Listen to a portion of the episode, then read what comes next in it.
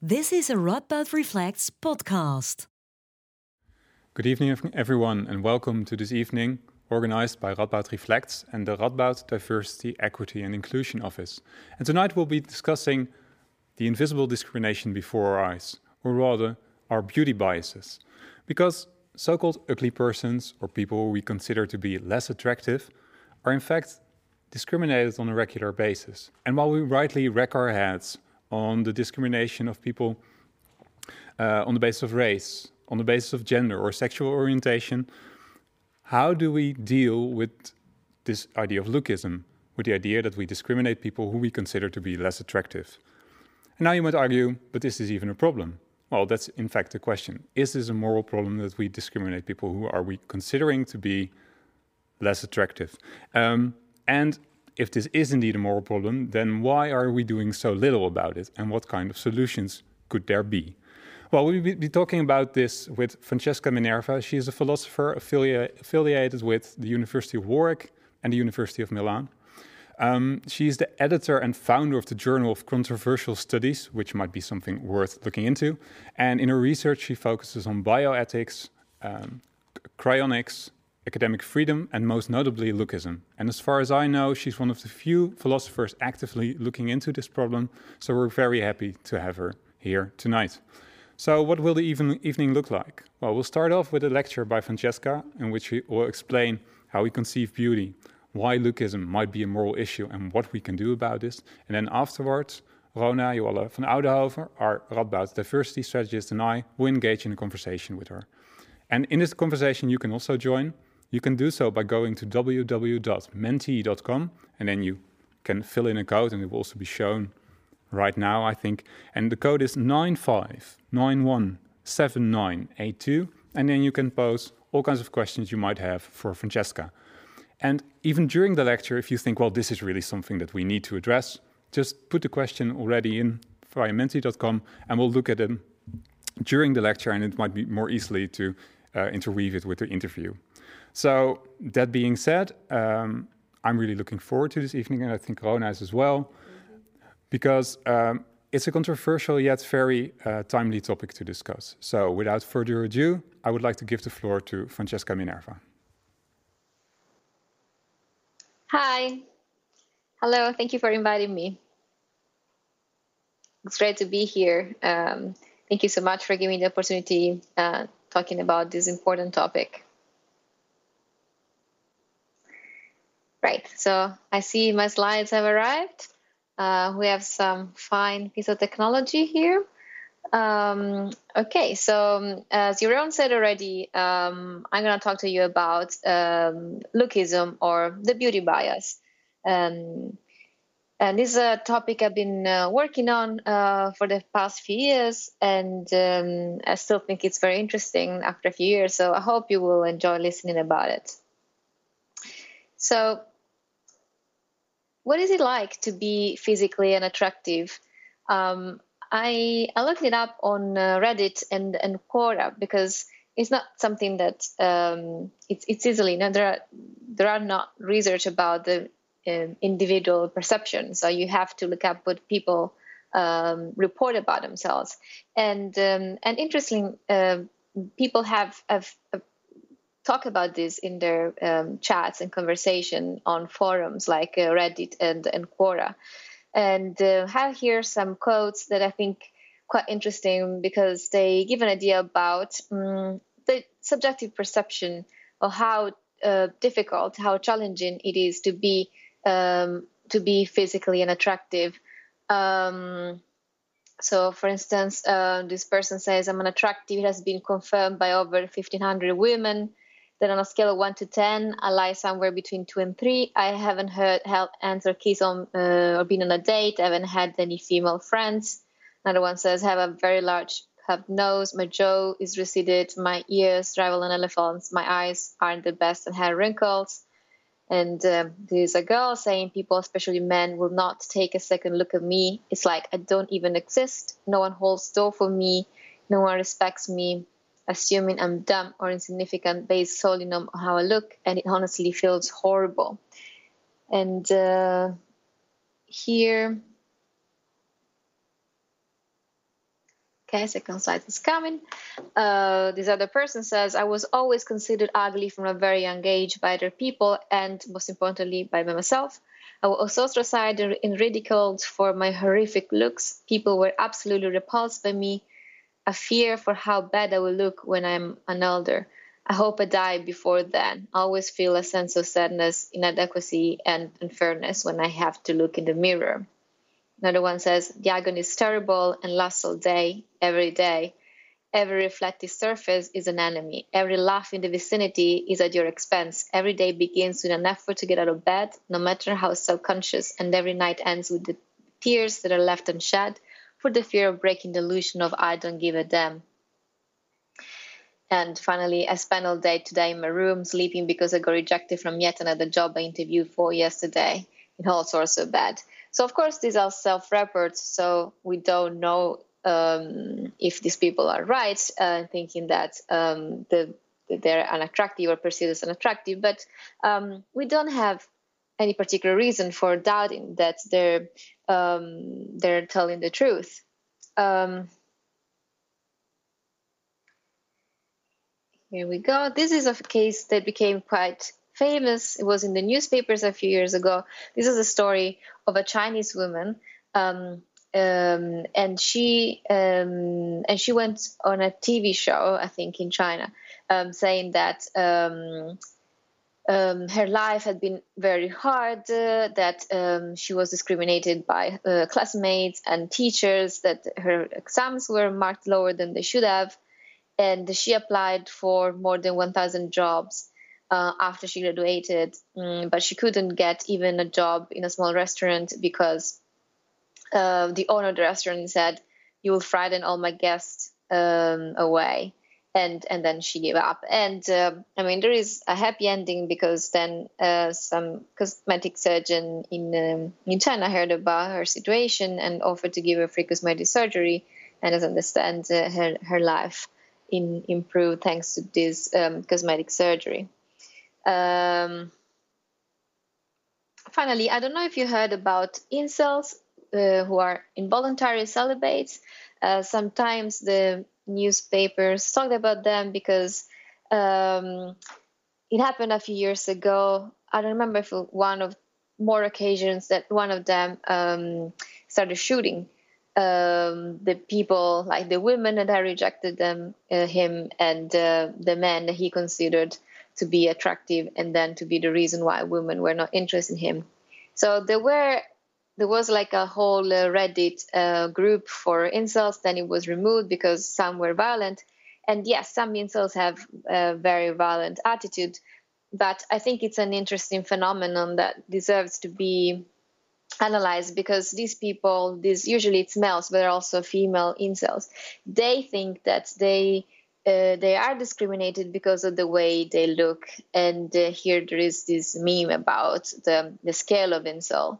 Um, some of them, if you actually look at them, because uh, I started looking at uh, a picture of Googling, they're not actually unattractive. So there is probably something more about their personality. But some of them actually actually are, and um, so they can't find uh, girls to have sex with or to have a normal relationship with. So obviously the problem is not the sex that byproduct but um, they, they, they can't find girls uh, who find them attractive and to have a relationship with and then they become extremely frustrated very often to the point that they really hate society and they become misogynistic against women because women reject them. Um, and yes, in very extreme cases, um, they display very behavior very uh, violent behavior, like the case of the person, uh, the incel, um, who uh, started shooting random people. And I think he left a video on YouTube before doing that. Obviously, the video was eventually removed. Um, so there is um, obviously a, a, problem according to, to self reports. But we know it's not just a problem of self perception, it's not just people thinking that something um, about them is unattractive and therefore they're treated differently because uh, we have scientific studies studies in economics and in psychology um, that they actually suggest uh, that um, unattractive people are discriminated and we tend to believe that this is not actually the case because we believe about we believe these beauty myths we believe that you know beauty is only skin deep People don't really care about the way you look.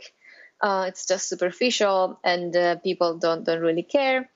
Uh, and everybody thinks they don't actually judge a book um, by its cover. We say, "Oh, we're better than that."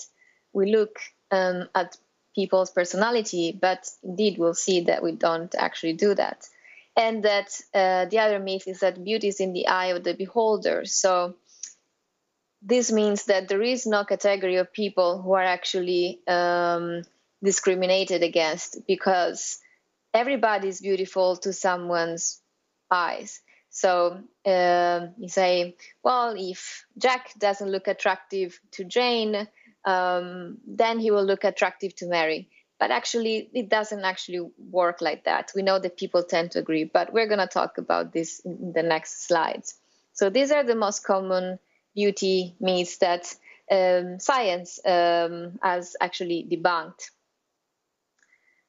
Um, so we say that beauty is only skin deep. It doesn't really have any other impact on people's life. But actually, we know from all these studies that it actually has an impact since we're actually very, very young. So we know that unattractive babies get less cuddles, attention, and smiles than cute babies. And they're also perceived to be more annoying uh, when they cry and uh, by adults and also by member of their family and uh, unattractive babies get more injuries. There was a study in a shop in a supermarket where uh, they were studying the how children get injured in supermarket, and they actually accidentally found out that unattractive babies seem to be left to roam around, um, and so happen to have more accidents and injuries than the the cuter babies that parents uh, kept more strictly under control. Uh, but this obviously continues. It doesn't uh, end with childhood. It's with childhood. It starts with childhood and goes on and on through our own, through the whole life. Um, so we know that unattractive people are less likely to be helped by stranger, friends, and family members. They get less attention from healthcare professional uh, we know they are less likely to win election or actually to even raise money for a charity. There are studies also looking at this. And uh, very interesting is the case of legal trials. We know that in legal trials, unattractive people are considered guilty more often by the juries um, than average looking people and good looking people. And uh, when they're found guilty, the imposed sentence on them is more severe than on other people. And on the other hand, um, the uh, unattractive attractive people uh, don't get really reported to the police for their crime as often. Um, also, unattractive people have more difficulties at finding a job and they receive low salaries. Indeed, um, economics has really focused a lot on this difference in income uh, between attractive and unattractive people.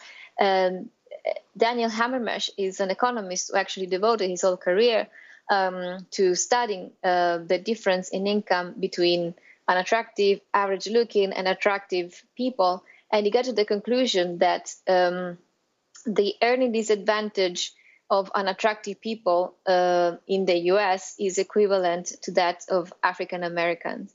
Um, and he estimated that over a lifetime, a non-attractive man earns $140,000 less than an average-looking man and $230,000 less than an attractive one.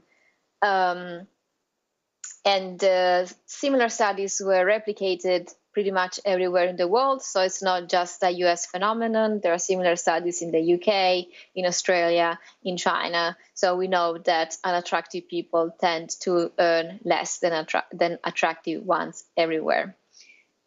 So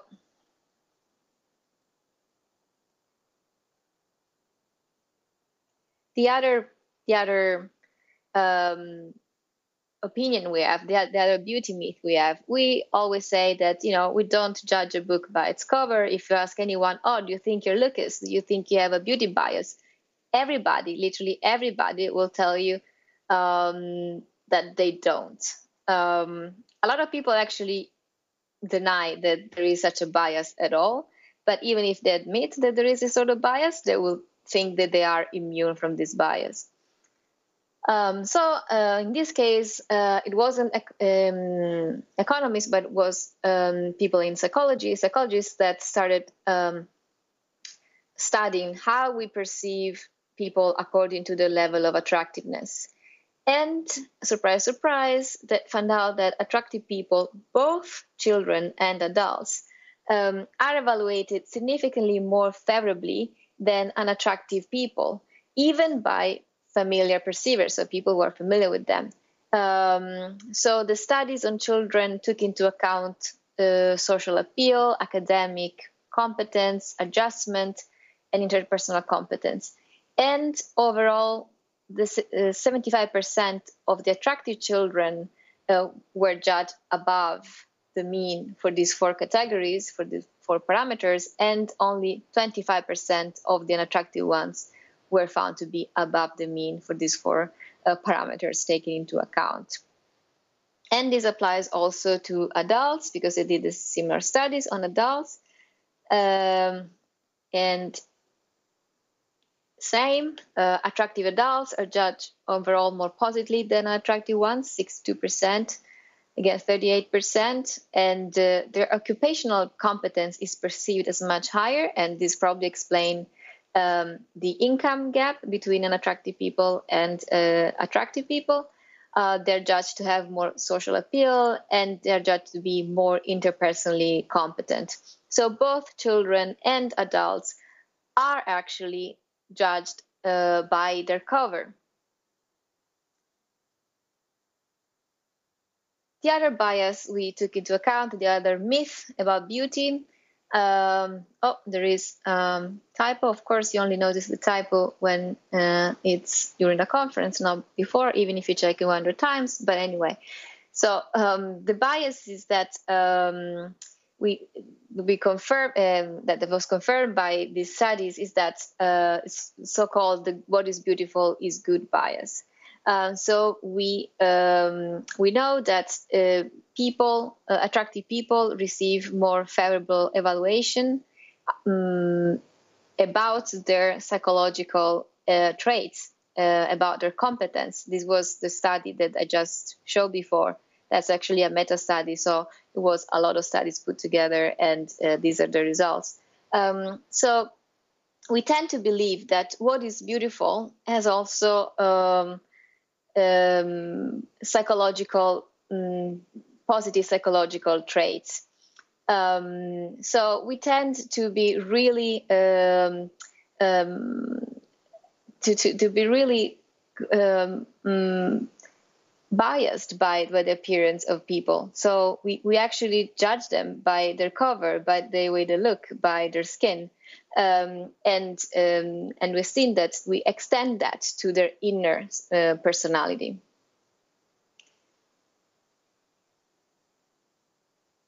So finally, we uh, always say or hear that beauty is in the eye of the beholder, um, and uh, therefore we we shouldn't really worry about this form of discrimination because it doesn't exist because there is no group of people that is consistently discriminated against and that suffers because of this form of discrimination through all their life.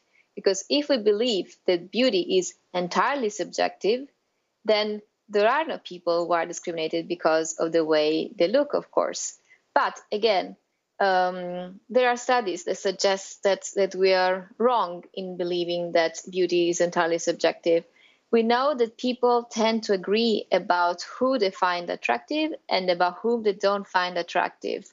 And indeed, it's something that we develop this capacity through our evolution, and it has been very important for us. And it, it takes um, just 150 milliseconds and no eye movement to assess whether a stranger is attractive or unattractive. And um, they did a lot of experiments also on children because we were trying people psychologists were trying to figure out how much society um, influences our um, perception of beauty so they tried to to figure out if children who are not really exposed to any societal influence after a, only a few weeks after born um, um, have the same preferences as adults um, who actually are very influenced by society And they found out that children tend to have the same preferences. How they understood that, they showed children these faces and they noticed that very young children look for longer at the faces of people considered attractive by adults because what the studies conclude is that there are some features that we are um, mm, hardwired to find attractive, such as symmetry, for instance. Also, we know that people from completely different ethnic, social, geographical areas tend to agree about faces defined attractive. And, uh, and we also have studied what we think makes a, makes a face beautiful. So we know that it is symmetry, as was mentioned, um, dimorphism, which means like how feminine your face looks if you're a woman, and how masculine your face looks if you're a male, neoteny, which means youthfulness, and androgynous, which doesn't mean how average you look, but we know that if you have a room uh, with a lot of people, you put all the faces together and uh, mm, combine them in one face. Like now, a lot of computer programs can do that. The combined face, the average face of all the people in the room combined, will be more attractive than the individual mm, faces of, of, the people you took to use uh, to make this um, to, to make this collective picture. Um, and we can see that, like here, have pictures of um, uh, Naomi Campbell, um, who is an Afro American woman, and um, Lucy Liu, um, a Chinese woman. And uh, um, everybody agrees they're both very attractive. Uh, they're not Caucasian, but um, there is wide agreement across cultures that these two women are, are very attractive indeed. Um, and uh, this uh, mm, is true also for um, age, uh, especially in men. Um, not so much for women, but more for men. We can see that aging doesn't have um, a huge impact on who we consider attractive or not. Uh, we have a young man, um, Lucky Lucky Blue, I think. I don't remember the other of the other the name of the other model, Aiden something. Um, but we can all agree these two men are both very attractive. There, there are probably 30 years difference between them. And uh, again, this applies also to uh, to men. Uh, this is uh, Duclos and uh, to remember the name of this model. My students usually remember that whenever I show the slides. Um, but uh, again, Caucasian men, Afro American men, both extremely attractive, no doubt about it. Um, and we also can apply that to animals. Uh, on the left, you can see my dog, who is the most beautiful dog in the universe, no doubt about it. Her name is Idea. And um, sorry, on the right, um, you can see um, a Chinese crest uh, uh, dog breed uh, who won the competition for the ugliest dog in the world a few years ago. And um, I think we would mostly agree that Idea is, is more beautiful. In that picture, she actually is singing um, because she's so talented, she can also sing. Um, so we see our standards of beauty are quite uh, consistent among cultures and different age and different sex um, and different um, ethnic background. And even when we look at animals or buildings or everything really we have consistent standards of beauty. So there are two common explanations of this phenomenon uh, of our beauty bias one is an evolutionary uh, approach. According to this approach, beauty is a biological adaptation. Because uh, from an evolutionary perspective, being beautiful has been an advantage in terms of reproductive potential. We need to recognize who is attractive, and who is attractive is usually who is healthy and who is uh, fit for reproduction. It's a very complicated um, explanation here, but trust me, uh, people have studied this, and um, beauty is um, is is a shortcut for um, um fertile and uh, and healthy. It, it, was during our evolution, now things are changed, but uh, let, let's, let's leave that aside. And then there is a different approach, which is the constructionist social approach, according to which beauty is a social construct, something which is culturally determined and aimed at perpetrating inequality and discrimination against disadvantaged groups. And there is also, I spoke more about the evidence in support of the evolutionary essentialist approach, but there is also interesting evidence supporting this second approach. For instance, we know uh, that um, women tend to be uh, to, to consider themselves less attractive when they are exposed to certain beauty models. Uh, when you expose them to images of women that look normal, not supermodel, they don't consider themselves as an attractive. Another example in Fiji Island, um, anorexia nervosa was um, didn't exist at all until TV was introduced, and then a few months after the introduction of TV shows, they started having cases of anorexia. Why? Why? Because um, we um, tend to compare to we tend to compare ourselves, and being exposed to certain standard of beauties uh, makes us feel less good about ourselves. Um, so there are, I think, two. They're both right. There is truth to both these approaches. They don't exclude. Um, they don't exclude the other um, I think that the truth is that indeed um, there is um, some elements of our perception of uh, of our beauty preferences are hardwired, such as symmetry, and some other are uh, culturally imposed. For instance, preference for thinness or for Caucasian features; those are accidents of our uh, history um, and they change with society, and we know that we can change them very quickly. Um, for instance, I think that the standards of beauty we have now have actually improved because I remember growing up, the, there were only supermodels, these extremely thin women, and now I'm so glad that young girls can compare themselves to curvy models, to um, healthier actually models um, compared to um, to when I was growing up. So the question is Is lookism significant from a moral perspective? Why should you study lookism as a moral philosopher? Why do we care about it? Um, well, I think I have proved uh, that uh, lookism um, has the form of discrimination that has a significant impact on the well-being of unattractive people, both economically and in terms of psychological well-being. And um, this bias judgments about the academic competence and about the psychological profile of a person uh, tend to become self fulfilling prophecies. And uh, because of these um, mm, self fulfilling prophecies, um, people may not develop uh, their true potential.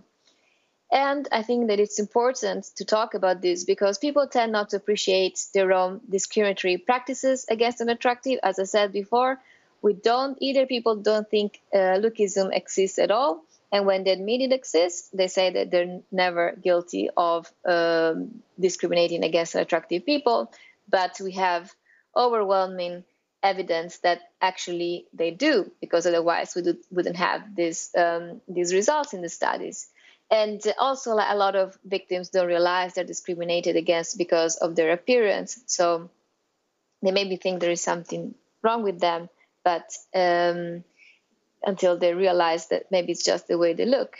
I think that media contribute to spread narrow paradigms of beauty and to create unmatchable standards of beauty through, for instance, photoshops. And now we see uh, on Instagram um, people use a lot of filters, so you uh, you're induced to believe that everybody is extremely attractive except for you. But the truth is that everybody is using a ton of filters uh, to make themselves look better. And so people feel to undergo, they feel like they have a duty to undergo cosmetic treatments. Uh, we know that, for instance, requests for cosmetic treatments increased during the past year because of the pandemic. People uh, were constantly seeing their face in um, in Zoom meetings and Skype meetings, and that they became very self-conscious about the way they look. So they started to the, the cosmetic uh, the request for cosmetic intervention increased And also, like beauty enhancing means such as cosmetic surgery can be expensive, so rich people have easier access to them, and this could cause, in the long run, an increase in inequality. So I think these are all good reasons to worry about um, um, lookism. And very, very briefly, I'll just take five minutes uh, to finish uh, uh, what I'm saying, and then I will leave space for conversation. So, what kind of measures can be used to counter effects of lookism? A lot of people say we need to change the current paradigm of beauty, and it's true. The current standard of beauty is too narrow. It favors mostly Caucasian people, and it has to become more um, more inclusive. And I think we're going in the right direction in um, in this respect, though we are not there yet. Uh, but there are some limits to the inclusivity. Uh, for instance, I think that uh, if somebody has very asymmetrical features, it would be very, very hard um, to remove the preference for attractive, uh, for sorry, for symmetrical features because they're considered attractive uh, because of evolutionary reasons. So I think in that case, uh, changing the standard of beauty is not probably going to help much. Um, other people suggest that we should consider ugliness a form of disability and legislate against discrimination and in favor of equal opportunities. But um, there is always a problem with implementing this kind of legislation. Well, first of all, we don't know how many people will actually go and claim that they have been discriminated in the workplace because they are unattractive. It's not something that a lot of people would like to do. And also, this is not a solution really for personal relationships. Uh, if you consider, for instance, the case of incels that I mentioned um, at the beginning of my talk. Um, um, it also be suggested uh, by Hamermesh, the, the, economist I introduced before, that we should consider compensating people for economic loss uh, due to their unattractiveness. So, as I said, um, unattractive people earn less money. We could compensate for that. But how do we compensate for loss of social interaction, for loss of um, for loss of partners in relationship, for loss of romantic opportunity? Uh, it's not very easy to do that. And also, the, um, we suggested that we should provide free cosmetic surgery. And uh, I think this is a good solution to enhance those characteristics that we are hardwired to consider attractive. As I said, symmetry is one of that, youthfulness maybe. But it has the downside of reinforcing, or reinforcing the current status quo and also as i said it can um, mm, be available um, it, it, can um, it, it, can cause to narrow down the standards of beauty because then if everybody, is using cosmetic surgery maybe people will um, tend to look alike. And i think we're getting a bit of that um, at the moment with for instance uh, lip enhancing um, mm, injections, they um, it's interesting how now a lot of uh, women on, on Instagram have exactly the same lips because um, it's really unfashionable to have uh, thin lips or like uh, to have thin eyebrows. Uh, but these things change very quickly, so it's then it becomes very stressful for, pe- for people to keep up with these new fashions. And um, oops, to, to wrap up, um, I wanted to argue that uh, lookism is the byproduct of both evolutionary processes and social economic dynamics, and that it has a significant negative impact on both single individuals and society at large. And finally, that our failure to acknowledge lookism as a moral, social, and medical issue uh, just makes the problem worse. Um, so we need to talk about it and we need to discuss about a possible solution. And that's it for tonight. I look forward to listening to and answering to your questions. Thank you. Thank you, Francesca. Yeah, there would have been like, man, man, a lot of applause. I hope there's digital applause now. Um, I think we really enjoyed um, the lecture. Questions are already pouring in. Um, All right. So I think there's plenty to discuss, but maybe be good to start with a more empirical question before we dive headfirst into the moral uh, discussion. Um, because I saw a lot of numbers coming up, and there were a lot of comparisons between how attractive people are uh, treated compared to less attractive people. But how many people in general are suffering from unattractiveness? Can you say something about that? And is there a difference maybe between men, women, people who qualify themselves as other? Yeah, there are different estimates. Um, I think the lowest estimate is like 3% of the population. The highest I've seen is 18% of the population. Um, there is not agreement, so something between 3 and 18%, uh, according to what I've seen um, around in different studies. Mm-hmm. And um, so, and this is one of the questions that's also put forward by the audience, and we were also discussing this prior to the lecture. So, um, okay, look, you're gradually putting lookism on the radar together with other scientists, but to what extent do you think is lookism um, uh, becoming more prominent? Is it now more prominent than it was, for instance, uh, 60 years ago?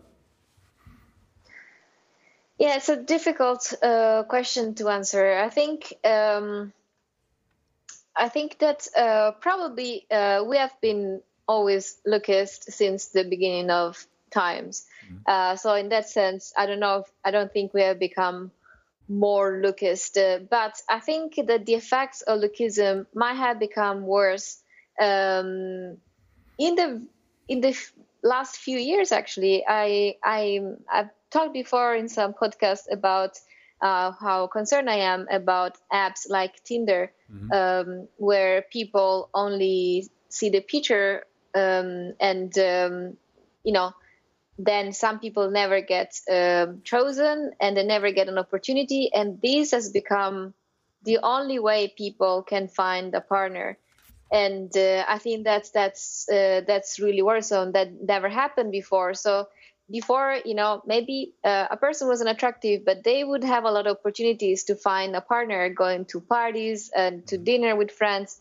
And you know, even if somebody is not attractive, if they have a very nice personality, if they're interesting, if they click, they can find a partner. But now they're not given really that opportunity because it has to be filtered through apps like Tinder.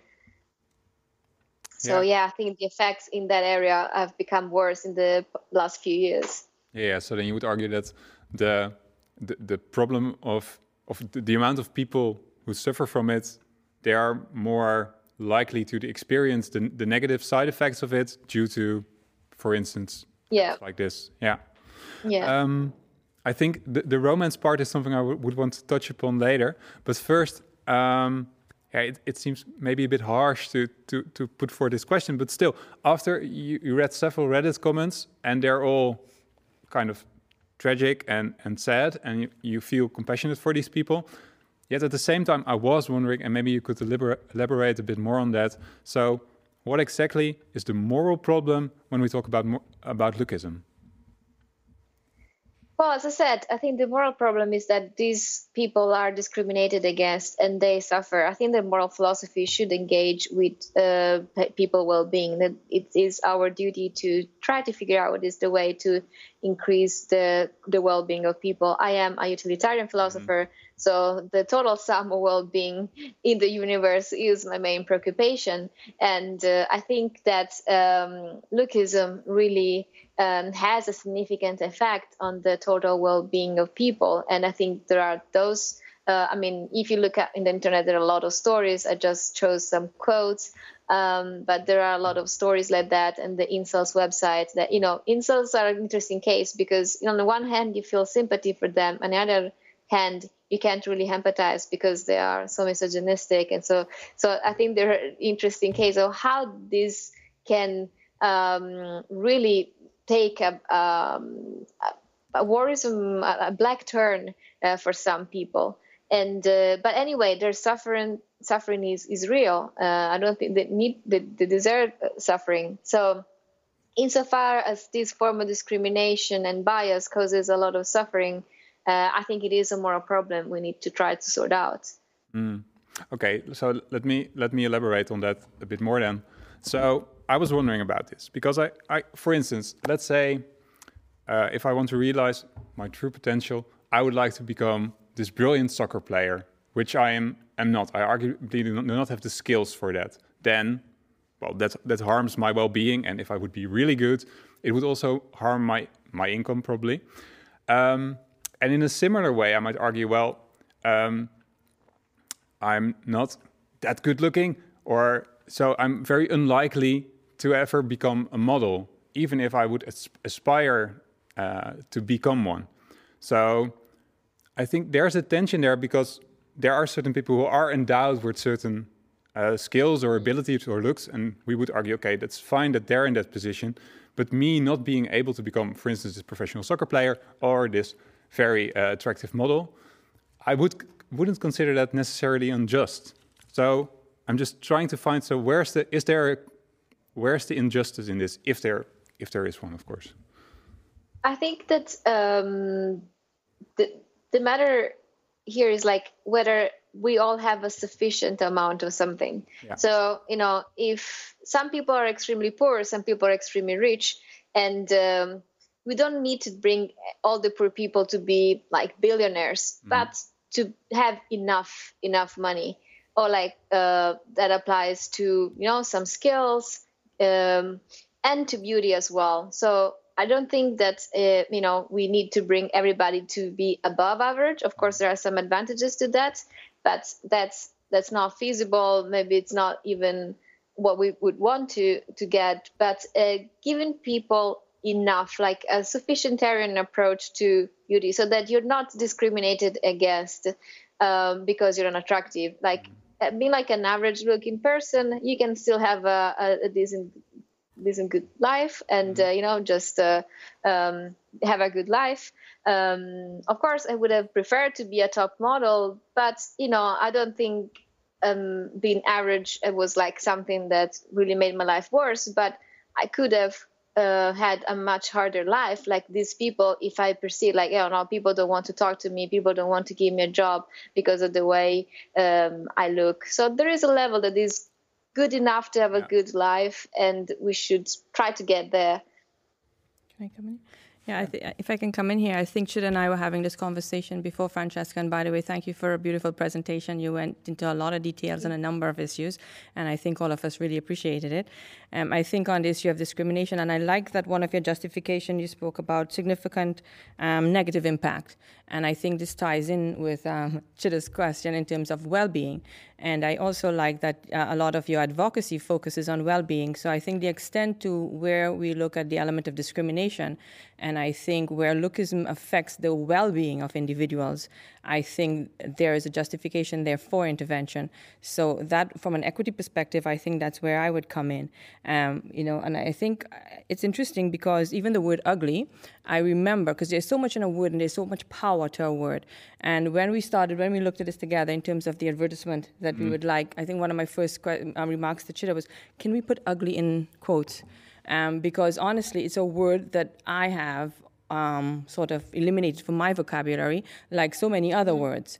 And um, that, for me, that's that's interesting to hear from you as well, because the power of a word, and if we're looking at social constructs and we're looking at how do we change the dynamic in terms of the biases that come to the word. So, for example, a, a simple thing like that, I, I googled um, synonyms for ugly, and and and I would, we were even talking about trigger warnings, and I think this is also a good point for me to um, interject and say this may be a trigger warning for those of you because um, I think for many of us, like the, the way we approach a certain topic, so in this case, lookism, um, it's very much at a level of um, academia and level of discussion. But then also, in terms of we're talking well being, um, there may be persons in the audience who are actually cringing at some of the concept and who are actually being triggered by some of the language. So if so, I, I, apologize in advance if, if when I read, for example, just when I there are 146 synonyms and just um, appalling, bad-looking, beastly, deformed, disfigured, foul, frightful, gross, hard-featured, homely, ill-favored, loathsome, um, monstrous, not much to look at, plain, repelling, repugnant, repulsive, revolting, um, unbeautiful, uncomely, uninviting, unlovely, and unprepossessing. So, um, in that sense, um, in terms of the word, would that be something you would look at um, saying we debunk at some point? Well, I usually uh, I never use the word ugly. I usually say uh, physical unattractive or unattractive. Um, so um, I think that um, um, I mean words can can be meaningful, but um, in, in, this case, um, I think we can say ugly or unattractive. I don't think it makes it makes a lot of a difference. Um, I mean, I guess people feel insulted whether you say uh, you're ugly or you say you're unattractive um, and you know and what matters in the end is um, how they are are treated and um, and um, how they uh, how they perceive that the life is shaped by this perception i was talking briefly about self-fulfilling prophecies mm-hmm. Um, but i think this is a very important issue because um, as I said, we tend to believe that uh, unattractive people are less smart or le- less skilled. So we tend to treat them like they are less smart. And when you treat a person like she is less smart, then she will start behaving like she is less smart. She will have have like self doubt and not really um, use her whole potential. And um, and that's I think uh, to me it's the the scariest uh, the scariest part. And unfortunately we can't really get to the bottom of this thing if we don't use the right word. So um, it can be an attractive it can be ugly. As I said have a preference for an attractive rather than uh, than ugly because I think that an attractive also gives more um, a detachment uh, from um, it's more like um, neutral term, um, but um, I think that it's something we need to, to talk about if we really want to to solve the problem, and uh, because it has so many effects on on the well-being and on uh, on the the whole life of people. You know how much money they make, how many partners they have, how happy they, they become in the end. Um, so, yeah, I I I think we should talk more about it. Mm. To to briefly get back to your earlier point, um, it seemed like you were defending, in a way, that there should we should all move towards a certain degree of beauty. So to me, it seemed like you're kind of a sufficientarian when it comes to beauty. Like when you reach this certain threshold, then you're okay. Is that a correct answer? yes, at least at least that's the that's the, the the, the goal for now. Then i don't know if we could in the future uh, like mm, make only beautiful people and live in a world where everybody's beautiful um, that you know i don't have anything against it. Uh, if at some point you know maybe we really hack genetic engineering or something. Um, but um, that's that that's um, if it actually that implies an increase in in well-being uh, I'm not entirely sure, though, that that's what you really need in order to increase happiness. I think you have diminishing returns, probably. So you need enough beauty to have a good life, but probably you don't need to be Angelina Jolie to have to have a happy life. Uh, so you need just that amount, which is the same for a lot of things in life, like you know money. We think that you know billionaires are way way happier than than us, but it's not true. You need just enough money to have a happy life because when you're really poor that has an impact on your well-being. But after a certain amount of money you don't really keep increasing your level of happiness just mm. because you can uh, have holidays in fancier hotels. No i can see that. Yeah yeah. There's one question from the audience and i think in part touches upon this. Um, uh, this person says well if we regulate the advantage of beauty then isn't there a danger that we also start to look at regulating other skills or talents or character uh, traits we find important. So um, for these are also uh, uh, things we do not have a say in right now. Do you? What do you think about that? Um, I mean, it means it depends what you mean by regulating. Mm-hmm. Um, I'm I'm not saying that people should be forced to have cosmetic surgery or that you know uh, there should be any regulation to make children. There are uh, attractive um, nothing like that i'm just suggesting that um, we should um, try to get to the root of this bias and uh, possibly having uh, solutions which can be i don't know yeah between cosmetic surgery and changing the standards of beauty as i said um, I think in some sense it's better now because we have different uh, models, and in another sense it's worse because everybody's using filters. So I don't know. Um, but um, I think that there are things that um, we we like and that we should try to to improve. For instance, uh, um, you know, um, uh, health. I think it would be better if everybody could have higher level of health or at least sufficient level of health and um, mm, I don't know, like sense of humor um, or like um, intelligence. There are so many things that we consider, you know, um, from an Aristotelic perspective. You know, it's like these virtues or these characteristics that really help you to have a good a good life, to achieve your goals, um, to appreciate uh, what you have in your life. So um, I think it would be great if we all had enough of that uh, to conduct um, a good and fulfilling life. There's so much to touch upon, like the, the issue of health as an indicator, for example, if you look at the evolutionary essentialist perspective, and the issue of health as an indicator. Um, for example, the movement, the lookism and the advocacy for the term started in the 1970s, and I think it also started with the um, the embracing of the of the of the of, of being fat, and um, and it is okay to be in your own skin, and also it's a time moving into postmodernism and the whole definition of beauty and what it is. So that's also quite interesting in terms of the evolutionary component. Um, one of the things, and also in terms of you mentioned that it's been you know, we've talked about the element of beauty for a long while. I think even in, in Buddhism religion, you have the, the you know the the veil of Maya, which is the illusion, and it warns about the illusion of beauty and how do we get sucked into it and how do we define those. And one of the questions from in terms of definition of beauty from the audience, which I'll pull in, is regarding your example of Campbell and um, Lucy Liu. It seems that other ethnicities are considered more, more beautiful the more white they look in terms of skin color, nose, shape, size, etc. What do you think about this? And um, also would like to intertwine that question with, and I think we're talking about this as well. Um, has look is lookism very much interconnected with racism, ethnocentrism, um, ageism, because um, colorism? Because in many aspects, those are elements um, which are which appeal to appearance and which are, which are also very much based on um, a physical or a viewing element. So I'd love for you um, to share your, your views on that.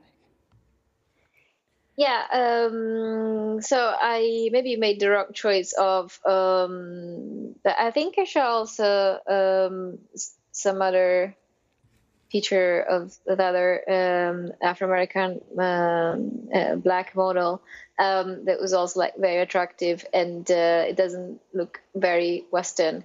Uh, but um, I think that um, I, am not sure that people uh, we, we like people from other ethnicity, the more Caucasian uh, they look. I'm pretty sure uh, and I think there is a lot of evidence in um, in studies uh, that you know you can go to any remote population and take you know the, the most you know beautiful person in that um, in that tribe for instance. And um, you know we would uh, you know take i don't know a european person and judge the level of attractiveness. They would find them also very attractive. It seems that uh, we can really um, tell who is who is attractive and who isn't, regardless of um, ethnic differences. Uh, then, of course, there is a different issue about why um, Caucasian standards of beauty have um, become um, so so widespread, and that has to do with historical, um, economic accidents in a way. It could have been a different story. Um, but it's because um, European uh, culture um, uh, became dominant for historical reasons that we had Caucasian people uh, portrayed in in movies, um, like you know, think of Hollywood, for instance, um, of course. Um, but I don't think it means uh, that you know there is that we wouldn't uh, be able to acknowledge or to recognize attractive people from other ethnicities, or that we only find them attractive insofar um, as they look more um, Caucasian. Um, I think that um, there are some studies suggesting that people tend to find more attractive uh, people from their own ethnicity because we tend to find more attractive people who look like us and like our parents. Um, but um, so um, there might be some truth to that, but it's also true that a lot of people are attracted to people who look completely different from themselves. Um, so I think that there is a lot of then you know when when you fall in love with somebody, um, it, it, has to do with a lot with the personality of that person, of course, and you know you may have some some preference for how you know your standards, your deal partner looks like, and maybe you end up with somebody completely different. Um, so I'm not sure how these studies um, explain this. The fact that there are a lot of um, interracial marriages and um, relationships between people from different ethnicities anyway. Hmm. There's one thing I would like to touch upon as well. So, um, do you think if if we can agree upon that uh, discrimination or unequal treatment of those we consider to be unattractive is, um, just I was wondering, aren't there are there cases in which discrimination on the basis of looks would be justified? Yeah, I think that in personal relationships, uh, it makes sense to have um, uh, to to to be entitled to your own aesthetic preferences. Mm-hmm. Um, I don't think anybody should be, you know, punished uh, because they have some aesthetic preferences, and nobody should be told, "Oh no, you need to marry that person that uh, you don't find attractive." uh, attraction um, is very uh, important um, element in a in a relationship, um, and uh, it wouldn't really make sense to force somebody to find attractive someone else. Indeed, you can't really do it. You can't be attracted to a person you don't find attractive. Um, so I think uh, I'm not suggesting that we should force people in, in romantic relationships uh, to um, to to keep to, to leave aside their preferences. Though there are people who have argued that that you know we shouldn't uh, really uh, have any any preference um, and then it's um, it's immoral to have preferences. Mm-hmm. um, i think we, we we are entitled to our preferences. Um, so i think that um, the again like the problem is not uh, i mean in part we can change our preferences by uh, really um, changing the standard of beauties and uh, making them more inclusive. And as I said, we're not there yet, but we we are moving toward that direction. I think uh, the standards of beauty have become more inclusive over the last five years, for instance.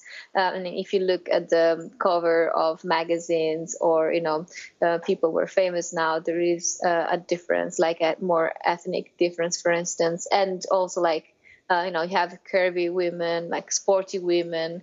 Um, and instead, if you were growing up in the 90s, it was all only like, you know, mm, yeah, Naomi Campbell and uh, Claudia Schiffer and, you know, mm-hmm. um, that standard of beauty. Um, so in that sense, it's, uh, it's true. But, um, I think that um, so we need to to change the standard of beauty, and uh, we also need to people to to look more more attractive as as well um, so that uh, you know it's easier for them to find somebody who finds them attractive.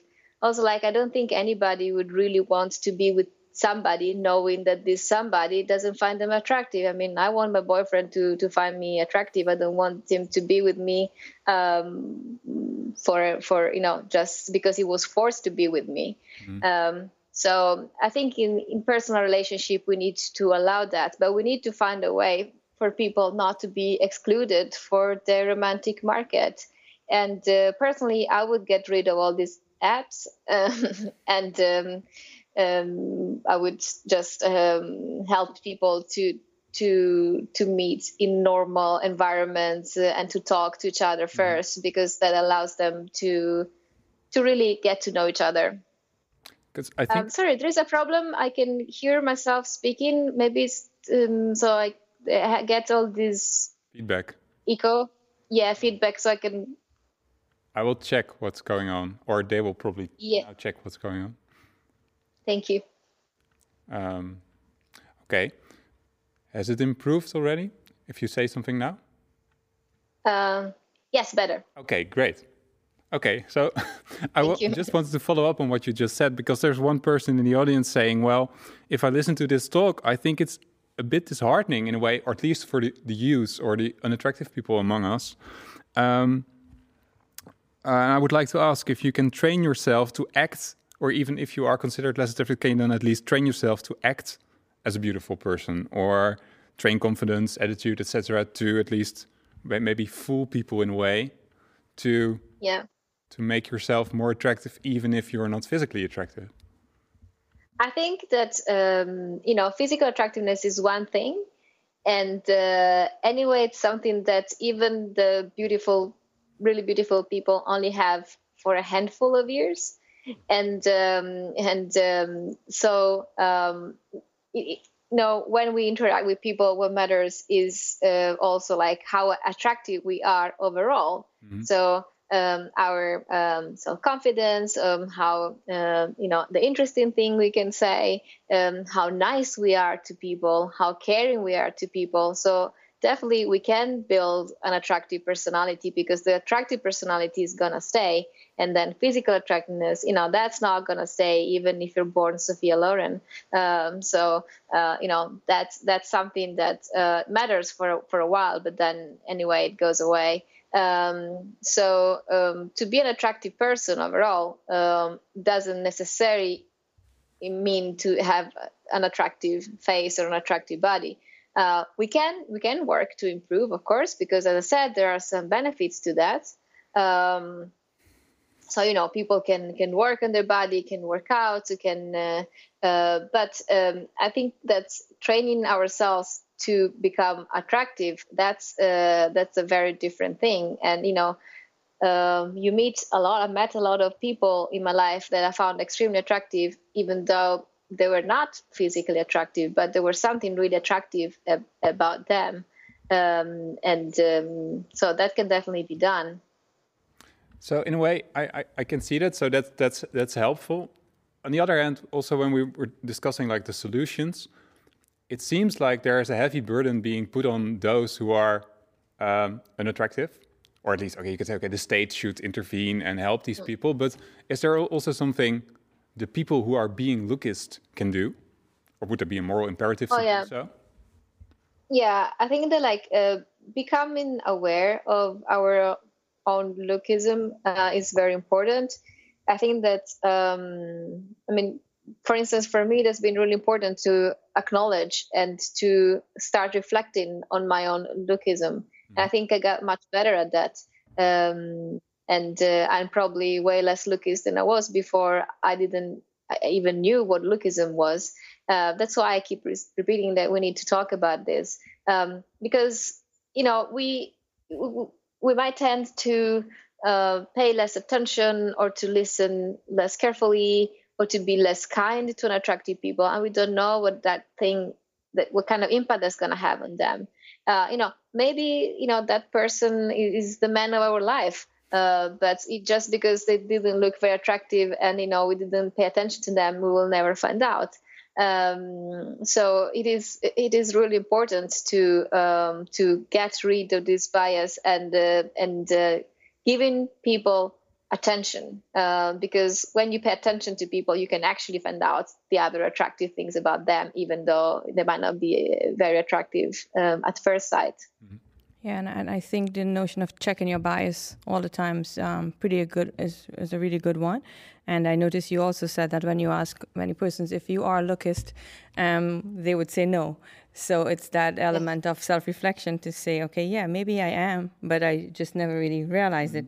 And um, the element of biases as well in one of the questions that came out, and I'd like to read that one. Are there any studies that inquired um, into the role of beauty bias in, acad- in, academia, specifically in relation to recognition and rewards, grants, applications on recruitment and selection of academics. And I brought this one because currently at Radboud University, we are doing a lot of work. Jeanette Helens is with me in the audience, and she's doing a lot of work around um, recruitment and selection process and intervening in terms of how do we get committees, selection committees, to be conscious that they are wired and hardwired to be biased, and um, that you have to and, and training your biases is almost like um, accepting that you have a habit and a so-called bad habit, and how do we consciously um, attend to that habit? So, um, just I wanted to highlight that question for you in terms of maybe I think lookism is an element that we certainly need to consider in in recruitment processes or and in committees, and I think again in connection with the other elements. So I think it's always probably been there, um, it's just that never really been labeled. So, for example, we may have been lookist in terms of someone's age because age displays itself physically, or race or ethnicity, or a, lo- a lot of other elements. So, in terms of research, would do, do you know of any that you can point to this um, person who's asking this question? Yeah, I've read one study about um, this experiment. Uh, it was, I think, a psychology conference, and they hired um, a good looking, self confident actor uh, that went there and gave this speech um, to this group of uh, academic psychologists. And um, what he was saying didn't ma- make any sense. Uh, wasn't really a good talk at all. But uh, the psychologists didn't realize, and uh, they asked the audience to think it was a good presentation. So yeah, very interesting, very good. Uh, I haven't seen other studies about that. So, but I I would think that other academics at our conference uh, that will happen as well. Uh, it's not just psychologists that uh, you know. I can try that on philosophers as well, uh, probably, and you have the same results. Um, but yeah, you were right. Like I think it's very important. Um, I I've been thinking about this how we could improve the selection process. And I think the easiest way to do that would be implementing um, interviews in virtual reality. So you can't really uh, see the person um, face, but just like using virtual reality, so they can still you can still see how they move, and you know. Uh, maybe their their eyes, but uh, you wouldn't actually see the, their all um, their all face, and uh, you know you could um, remove any gender bias, any race uh, bias, any look is look is bias, age bias. So because you could you could just interact in virtual reality, and I think that would ac- actually also work well for um, app um, for romantic app like um, replacing um, apps in which people just swipe pictures and just like I would make their meet in virtual reality so that they get to talk in virtual reality and after um, they've clicked they can uh, see their their faces. Mm. I was talking to this uh, to a colleague of mine about this, and he was kind of skeptical, especially in regard to the solutions. And I, he, he has this question. I will just read it out. He said, "Well, one might argue that part of the solution to lookism can be found in manipulating or steering our societal ideal of what beauty is. However, that would only replace one ideal with another, uh, effectively shifting the problem in a way. And maybe only so i'm curious what to know what you think about that. So maybe only the absence of a dominant beauty ideal might fix that. But then again there are few or non cultures that have a plurality of beauty ideals. So considering that beauty might also be some kind of tool of power reinforce if beauty is a self-reinforcing power mechanism that consolidates power within certain groups of people then to what extent is it realistic, like politically realistic, to expect society to actively fight lookism? Um, um, as I said, I don't think uh, we might be able to uh, completely get get rid of it. Um, so um, it is it is true. It is in part like um, you know it's a social problem. It's an individual problem. It has different layers to it. Mm-hmm. Um, and um, in a sense, beauty is power, like money is power, um, like you know, social class is power, and things like that. Um, but it, it is it is at least like more random in a sense. Um, but um, the fact that we might not achieve the best results, the final, you know, the complete equality, I, I don't think should be reason not to try to make things better. Um, so um, yes, you know, maybe we will never get there, um, but I think we can make things better. And if we can make things better, we should try to make things better. Um, and I'm not that um, negative about the possibility of, of succeeding. As I said, you know, um, it is a mix of using uh, different uh, policies, uh, different um, culture uh, instruments like you know education. You can use some legal, and you can use um, some medical tools.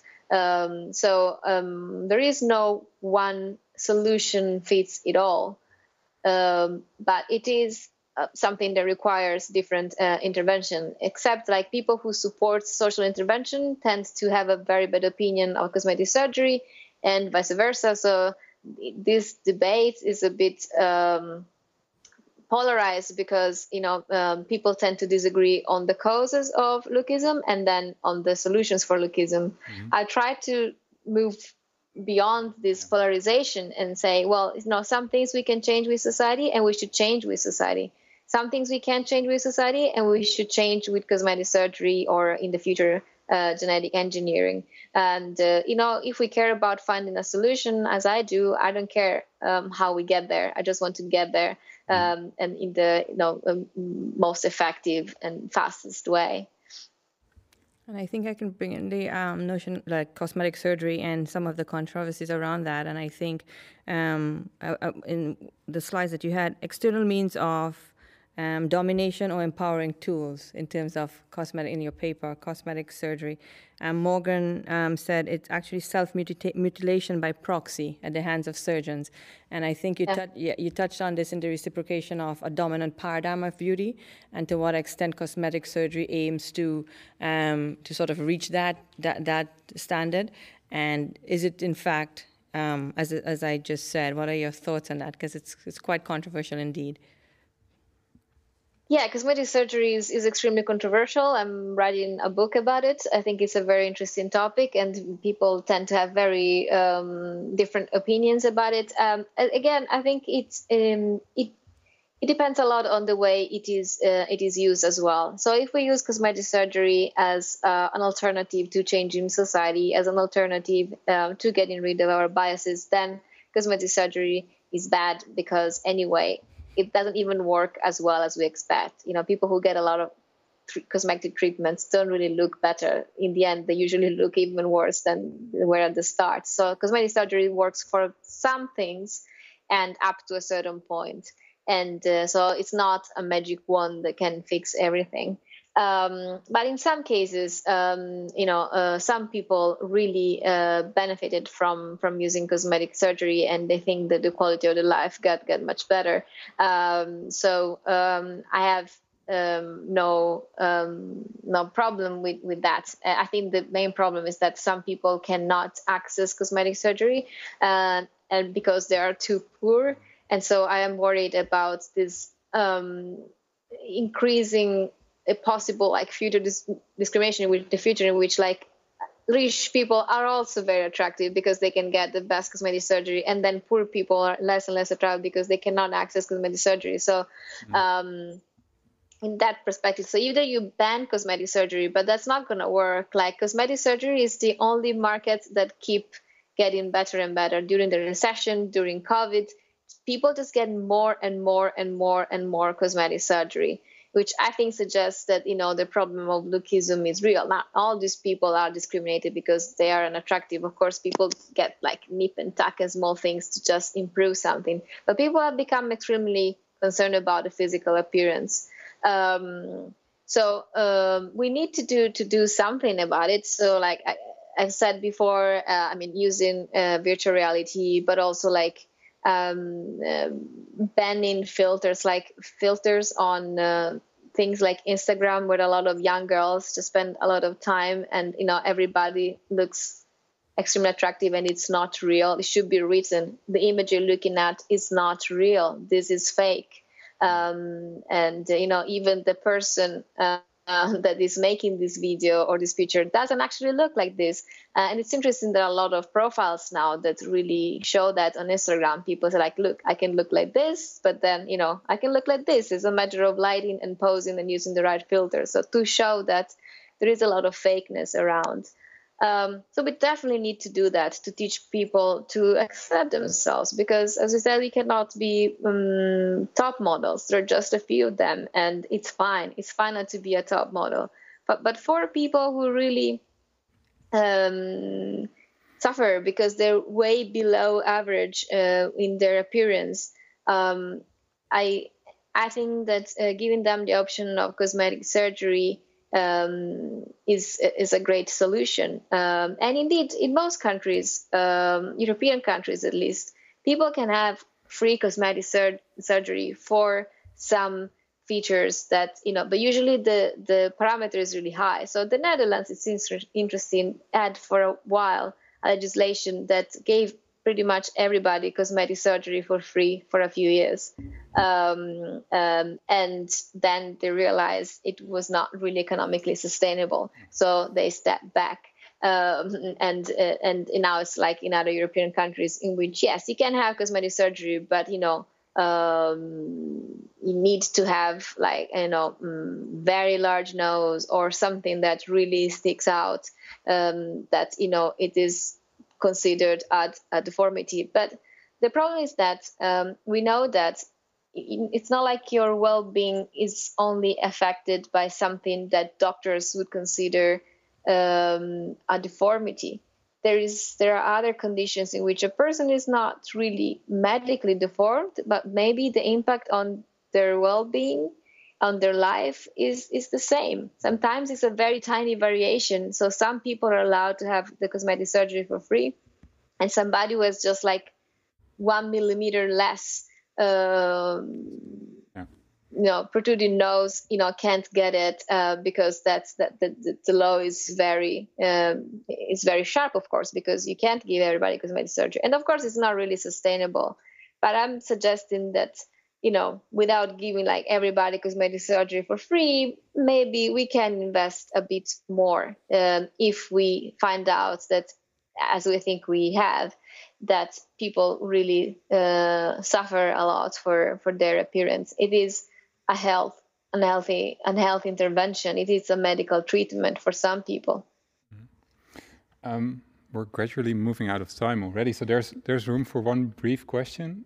Um, you take it because I think there are so many questions. There are so here. many. Yeah. If I choose one, I will feel. Um, yeah, there are amazing questions here, Francesca. I'd love for us to follow up even after and probably have you answer some of these questions and maybe post them.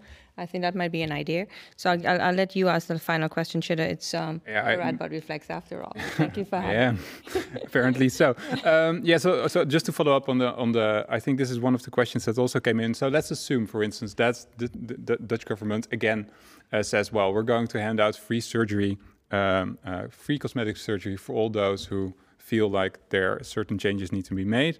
Um, this, there's one person in the audience saying, well, doesn't that has the risk in it of making people um, responsible? So if they, they say, oh, but I don't want this intervention, doesn't that make them, in a way, responsible for the lookism they're suffering from? Or at least, so you could have made the choice, you didn't, okay, then it's on you.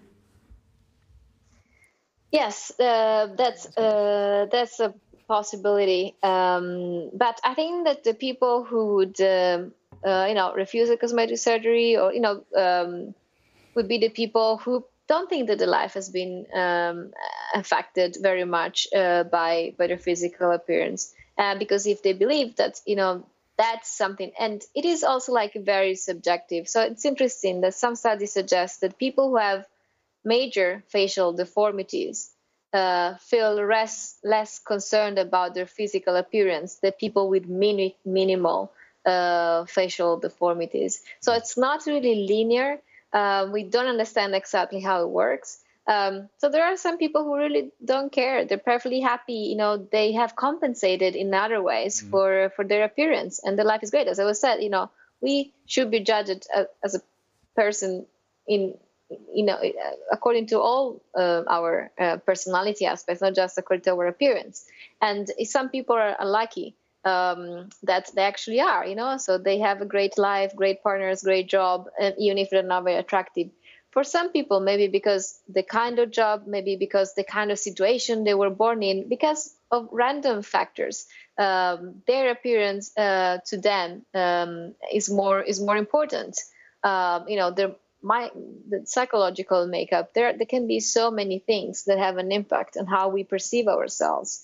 Uh, you know sometimes even like how people talk to us when we're children um, make make a difference. Um, so um, um you know yes, uh, those people say, okay, well, we, we gave you the cosmetic surgery, you refuse it, um, so that's uh, that's your choice, and and it's true. I mean, uh, we, we do that for all sorts of health treatments. People can refuse any kind of medical treatment. They can refuse life-saving treatments, mm-hmm. and they they refuse them. Uh, we say, okay, well, then you're gonna be sick or you're gonna die. That's uh, that's your choice. Um, and you know that's uh, that's an important freedom to uh, to keep uh, the freedom to refuse any treatment um, that um, the, the health system may offer to us. Yeah. Before I let you, I mean, except some vaccine. Before that you wrap up, Chida, I'd just like to say to the person who asked about attitude, you know, I read somewhere that um, beauty actually is, you know, in real estate, when you think of real estate, you think location, location, location. When you think beauty, it's actually attitude, attitude, attitude. So I just wanted to, to, to end, on, end with that little quote, and I'll give it over to you.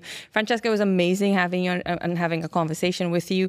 Um, to the audience, it was like fantastic that you sent so many questions, and apologies that we could not answer all. And over to you, Chida. Yeah. Yeah, Francesca, also on behalf of Radboud Flex, thank you so much for being here tonight. Um, I really enjoyed the conversation. Thank you so much for inviting me. And, uh, thank you for inviting me. Thank you for the questions. And we hope we can probably even have another session where the three of us are actually sitting here having yeah. instead of virtual. But we really appreciated Great. it. Thank when you. When you finish yeah, the book on plastic surgery, we I would love to have a discussion on that as well. Oh, um, great, great. Thank you. Um, I will also say goodbye to the audience. So I hope you enjoyed this evening. Um, we sure did. Um, and if you thought this was an interesting evening, um, you can subscribe to our newsletter, visit our website, and if you want to support us by more than just a like or a follow, you can also donate. The donate button is still there on the website of Radboud Reflects. Um, we'll be back next week with two programs. Um, uh, I'm going to switch to Dutch because these programs are in Dutch. Uh, Ode aan de Verliezer met theoloog Alain Verheij en filosoof Gertjan van der Heijden. En op donderdag hebben we een gesprek met politiek historicus Annelien de Dijn over vrijheid. En ik wil er ook nog op bij. En I would like to point out that we have a new podcast, The Reflector, and uh, that's also online right now. So thank you for watching. I hope you have a very pleasant evening, and I hope to see you next time at Radboud Reflects.